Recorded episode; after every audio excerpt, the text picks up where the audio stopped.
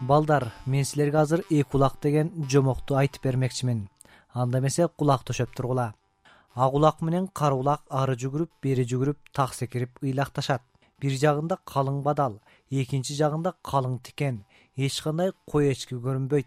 Сен ак улаксың тил укпаган акмаксың мени ары бери сүйрөп жүрүп акыры адаштырдың эми жаның барында энебизди тап дейт карасы кара улак бир күн мурун туулган. Денеси чымыр маңдайында жупжумуру эки мүйүз бар. Ак улакты боорум деп жан тартчу эмес. Кичине эле бирдеме болсо ак улаксың акылы жок акмаксың деп шылдыңдап ачуулана мүйүз матап бөйрөк талаштыра сүзүп да жиберчү. Кара улак жалакор ак улак жакын келсе эле мынабу жердин чөбүн жеп койду деп бакылдачу.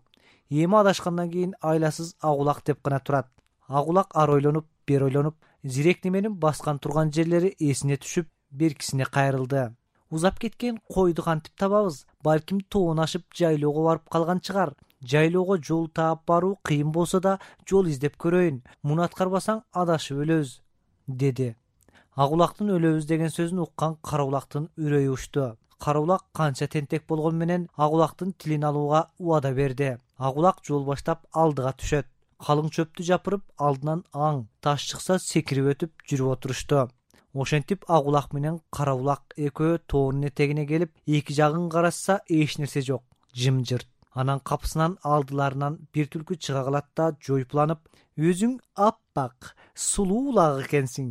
Агаңда келишкен неме тура? Чарчап калган чыгарсыңар. Биздин үйгө барып даам сызып кеткиле. Деп ичинен болсо ак улак кичинекей экен эбин таап жеп алайын деп ниети бузулат.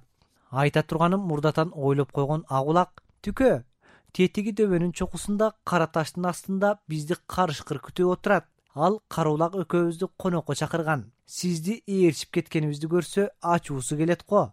Кашакеңдин каары катуу экенин билесиз. Эгер кааласаңыз өзүңүз деле биз менен барыңыз. Жарайт жарайт. Силер алдыга бара бергиле. Мен артыңардан жетип барып калам деп түлкү куулук кылып калып калат андан ары эки улак кетип баратышканда алдыларынан көк жал карышкыр каршы чыгып оозун араандай ачып тигилерге тап берет. Чын эле карышкырды көргөн түлкү сайга кире качат. Кардым ачып куркулдап келаттым эле мындай жакшы болорбу мен силерди жеймин дейт карышкыр улактарга тап берип. Анда ак улак кашаке кашаке тетиги дөбөнүн туу чокусунда кара таштын түбүндө бизди арстан күтүп жатат.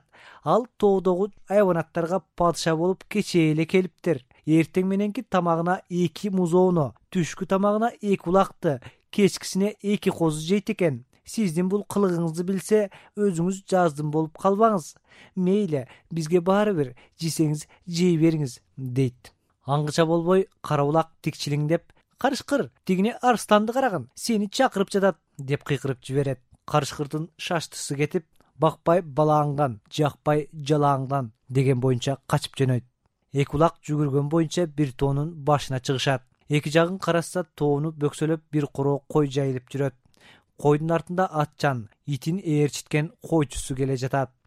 Койду көргөндө кубанганынан эки улак маарап кое беришти чолпон ата жол баштап келген ак улакты жерден көтөрүп алып мен силерди ойкыры койбой издеп таба албай койдум эле. Өзүңөрдүн таап келгениңерди карачы. Жарайсың ак улагым аппагым. Ак улак акмак деп мазактагандардын өздөрү акмак деди да ак улакты кучактап бооруна кысты